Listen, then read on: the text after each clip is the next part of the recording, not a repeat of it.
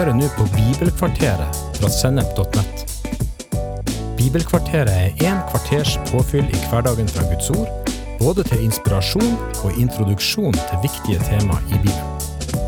Du vil også finne mer stoff på Sennep.nett som gir deg inspirasjon til å følge Jesus i hverdagen. Følg oss på Facebook og Instagram, og abonner på våre podkaster i Spotify, iTunes, Google Podkast, YouTube eller i den podkastappen som du bruker. Det sies at en mann ikke er i stand til å gjøre to ting samtidig. Men her i forrige uke prøvde jeg meg faktisk på tre ting. Jeg satt i bilen, så for det første måtte jeg manøvrere bilen trygt. Dernest var jeg midt i en viktig samtale med kona mi, og jeg prata ivrig. Og for det tredje hadde jeg akkurat tatt meg en tyggis, type gul ekstra, så jeg tygde og jeg prata på skift. Men midt i ei rundkjøring fikk denne kombinasjonen en fatal konsekvens. Tunga havna litt på skeive, og en av jekslene på høyre side bora seg brutalt inn i tunga. Umiddelbart kjente jeg blodsmaken, og jeg skjønte at dette var ille. Dagen etterpå føltes det som jeg våkna med ei brødskive i munnen. Jeg skulle prøve å snakke med kona mi, Rita, ved frokostbordet, men det ble bare snøvling. Rita forsto ingenting og foreslo at jeg kanskje burde ta en tur til logopeden, men jeg stritta imot. Da hun var kommet seg på jobb, skulle jeg ha ei lita bønnestund og jeg starta ut med å be i tunge. Men det var helt ugjenkjennelig. Jeg tror muligens jeg var innom både koreansk og tagalog før jeg avslutta det hele og prøvde å roe meg ned med en kopp kaffe. Ja ja, nok om den historien der. Jeg smurte kanskje litt tjukt på når jeg fortalte den. Det er vel kanskje det vi nordlendinger gjør, av og til. Men nå skal jeg si deg hva jeg har lært av hele opptrinnet, og det er verken oppdikta eller overdrevet. Det er når ett lem lir, lir alle de andre med. Dette sitatet er henta fra første Korinterbrev, kapittel 12, vers 26, og dette var det jeg erfarte i historia om tunga mi. Ei gjennomsnittlig tunge er bare ca 10 cm lang, og utgjør derfor en svært liten del av kroppen min. Og så lenge jeg oppfører meg høflig og danna, vil ingen se tunga mi heller, den er skjult. Jeg har faktisk aldri fått komplimenter på hvor fin tunge jeg har men tunga er likevel en viktig kroppsdel. Den tar del i tygging og svelling, det gir meg fantastiske smaksopplevelser og gir samtidig beskjed dersom jeg prøver å spise noe som ikke er bra for meg. I tillegg er den avgjørende for at jeg skal kunne snakke lett og fint. Tidligere måtte vi også bruke den til å feste frimerkene, men det var i gamle dager, så det trenger jeg ikke å si noe mer om. Men i denne historien var tunga mi blitt hoven. Dette lemmet som ingen kunne se, gjorde at jeg gikk med smerte. Smerten bredte seg som et ubehag i hele kroppen, og evnen til å smake, spise og snakke ble betydelig redusert. Det føltes som om hele kroppen min var prega av denne tilstanden. I Romerbrevet kapittel 12 står det, På samme måte er vi alle én kropp i Kristus, men hver for oss er vi hverandres lemmer. Vi kristne er kroppsdeler på samme kropp der Jesus er hodet. Det betyr at vi henger sammen, noe som gjør at smerten fra én kroppsdel vil merkes i resten av kroppen. Selv om vi er kristne, er ikke livet alltid bare en dans på roser. Akkurat som alle andre kan vi kjenne at livet bringer med seg utfordringer av forskjellige slag. Det kan være for eksempel sykdom eller relasjonelle utfordringer i familie, på skole eller på jobben.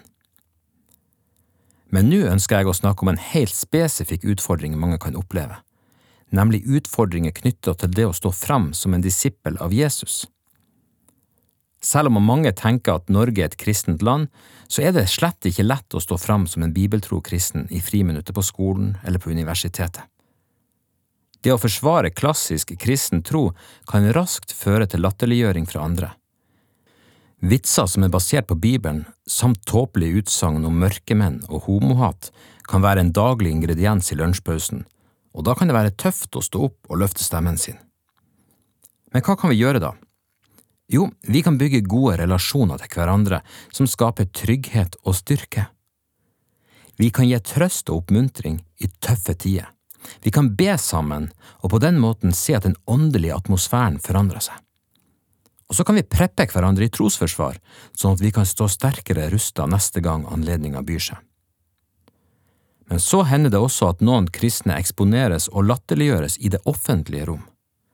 Det kan være artikler på Facebook, eller til og med i aviser eller på TV. Det skjer ikke nødvendigvis fordi disse kristne har vært dum, ubetenksom eller naiv. Noen gang er kritikken selvfølgelig på sin plass, men andre ganger handler det rett og slett om mennesker som har valgt å stå opp for sannheten. Og det er noen ting som kommer til å skje oftere i tida som kommer. I sånne situasjoner er ofte taushet letteste vei for oss andre. Men som kristne bør vi ikke venne oss til å toe våre hender, og vi bør i hvert fall ikke kaste oss med i hylekoret uten virkelig å vite hva som ligger bak.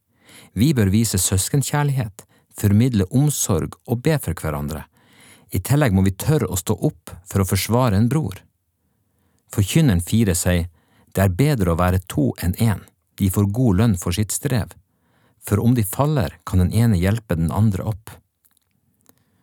I Hebreerne 13,3 står det, Husk på dem som sitter i fengsel, som om dere var lenket sammen med dem, og husk på dem som blir mishandlet, som om det gjaldt deres egen kropp. Dette gjør det kanskje enda vanskeligere.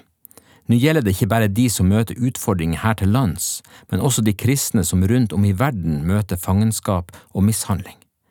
Det er en stor smerte i Guds globale kirke i dag, men det er så utrolig lett å glemme det. Hvert år gir organisasjonen Åpne dører ut et dokument de kaller World Watch List. Her får vi lese en beskrivelse av hvordan situasjonen er for de forfulgte kristne rundt om i verden i dag. I forbindelse med publiseringa i januar 2020 kom følgende pressemelding, og jeg siterer fra avisa Norge i dag. Hver time blir én kvinne voldtatt fordi hun er kristen. Hver dag blir åtte kristne drept for sin tro, 40 kristne hjem brent eller ødelagt og ti kristne urettmessig fengslet. Daglig blir 26 kirker eller kristne bygninger angrepet. Dette viser tall fra World Watch List 2020, en undersøkelse som viser hvor i verden forfølgelsen av kristne er verst. Jeg tok videre en kjapp titt på andre årsferske artikler fra samme avis, og jeg siterer her fra 16. januar 2020. Forfølgelsen av kristne øker i store deler av verden, og for første gang viser Åpne dørers årlige rapport World Watch List at mer enn 300 millioner lider under høy, svært høy eller ekstrem grad av forfølgelse.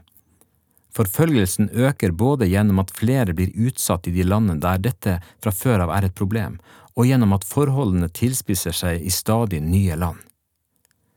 300 millioner kristne som lir under høy, svært høy eller ekstrem grad av forfølgelse. Og jeg som ble litt svett og småskremt av at en 70-åring brysk heva stemmen til meg sist jeg var på gata med evangeliet. Dette er jo helt andre utfordringer enn det som jeg opplever. Andre artikler igjen forteller om hvordan det er etablert et sosialt belønningssystem i Kina, der handlinger og relasjoner avgjør hva slags muligheter du får i samfunnet, med tanke på utdannelse, jobb og lønn. Systemet kobles opp til offentlige overvåkningskamera, internettbruk og mobiltelefoner. Alt dette gjøres for å gjøre det vanskeligere for kristne å holde en lav profil, og de som avdekkes, de får smake konsekvensene. Historiene fra hele verden er mange og dramatiske.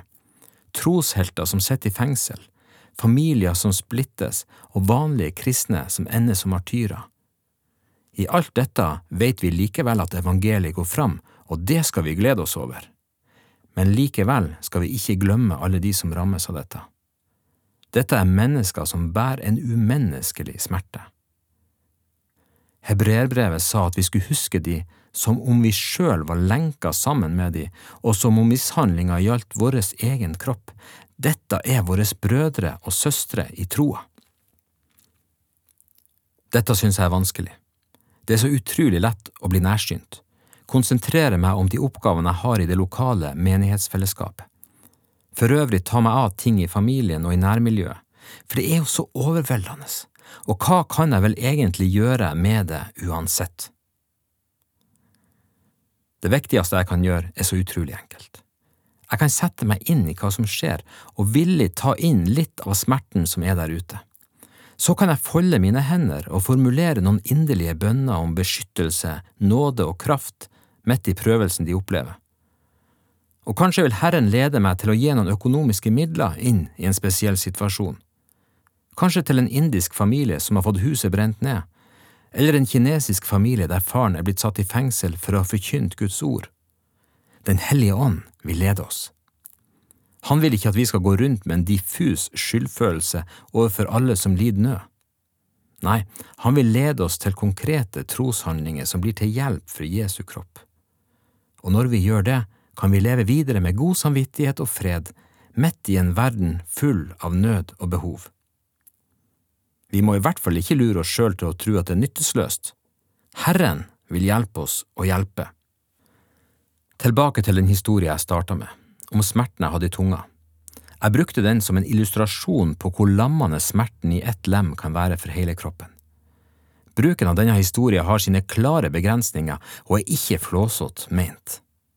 Ei hoven tunge kan ikke på noen måte beskrive alvorlighetsgraden i forfølgelsen av våre søsken. Likevel er de forfulgte kristne i dag på en måte som ei blødende tunge. Tunga brukes til å tale, og de forfulgte kristne har et budskap til den vestlige kristendommen i dag, og det er at etterfølgelse krever offer. Andre Timoteus 3,12 sier, Alle som vil leve et gudfryktig liv i Kristus Jesus, skal bli forfulgt. Gudfryktighet og helhjerta overgivelse vil gi utfordringer. Det er bare å se det i øynene. Du vil kanskje ikke oppleve det på samme måte som i Nord-Korea, India eller Kina, men du vil kjenne det på andre måter. Allerede nå hører vi om kristne i Norge som kommer bak i køen i jobbmarkedet på grunn av sin tilhørighet til ei menighet. Mange har erfart baksnakkelse og mobbing, og andre føler at klassekameratene mister interessen når det viser seg at en ikke drikker alkohol på klassefesten. Kristen tro kommenteres, mer eller mindre korrekt, både i aviser, på podkaster, videoer og i filmer i Norge i dag og nylig har en dansk evangelist valgt å flykte fra Danmark sammen med sin familie etter forfølgelse på grunn av sin tro. Slike ting gjør virkelig ondt. Men Gud har valgt å sette oss sammen som én kropp, der vi kan bære hverandres smerte og erfare styrke og trøst sammen. I tillegg kan vi sette mot i hverandre med Jesu ord fra Lukas 6, 22–23. Salige er dere når folk hater dere, når de utstøter dere og håner dere og skyr navnet dere som noe ondt, for menneskesønnens skyld. Gled dere på den dagen og hopp av fryd! Stor er lønnen dere har i himmelen. Slik gjorde også fedrene med profetene. For gjennom smerten vinner vi faktisk seier. Vi, Kristi kropp, Guds globale menighet lever ikke bare for jordisk nytelse og menneskelig anerkjennelse de årene vi har her på kloden. Vi har et annet endemål for øyet. Vi vil helst slippe prøvelsene, men dersom de er uunngåelige, så vet vi at Gud vil gi oss nåde til det. Og sammen som kristne kan vi bære smerten i fellesskap. Ja, mer enn det. Vi kan faktisk glede oss sammen og hoppe av fryd for vi forstår at dette er en direkte konsekvens av at vi er reelle disipler av Jesus. I Apostlenes gjerninger kapittel fem kan vi lese om hvordan apostlene ble stoppa mens de forkynte evangeliet. Det jødiske rådet sørga for at de ble piska, og de fikk forbud mot å tale i Jesu navn. Men da de etterpå forlot rådet, så gleda de seg over at de var blitt funnet verdig til å bli vanæra for navnets skyld. De gleda seg over å ha blitt vanæra. Det kan vi òg gjøre, dersom vi er i stand til å tenke rett. Husk det som Jesus sjøl sier i Johannes 15, 18–20. Om verden hater dere, skal dere vite at den har hatet meg først. Hadde dere vært av verden, hadde verden elsket sitt eget, men dere er ikke av verden. Jeg har jo utvalgt dere fra verden, og derfor hater verden dere. Husk hva jeg sa til dere, en tjener er ikke større enn sin herre. Har de forfulgt meg, vil de også forfølge dere. Har de holdt fast på mitt ord, vil de også holde fast på deres. Lidelsesaspektet er helt åpenbart for Den kristne kirke, en sannhet vi ikke må koste under teppet eller neglisjere.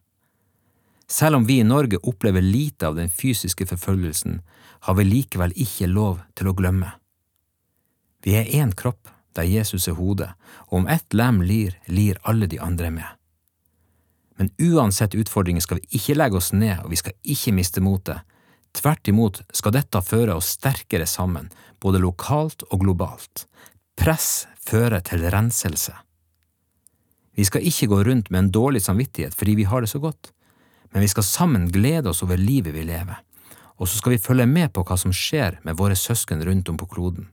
Vi skal feire evangeliets framgang og sammen bære hverandres utfordringer.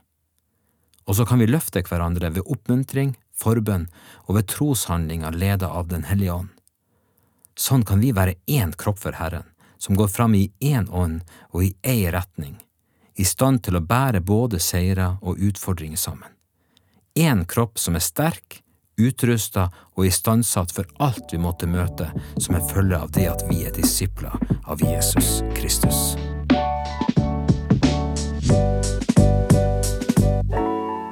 Du har hørt en episode fra Bibelkvarteret på sennep.nett. Du vil også finne mer stoff på sennep.nett som gir deg inspirasjon til å følge Jesus i hverdagen.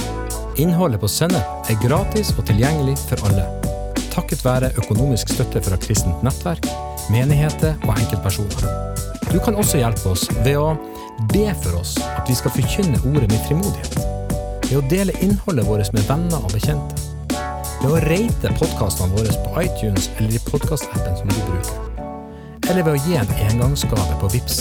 VIPS nummer 54 66 68. Takk for at du lytter til Sennep.nett.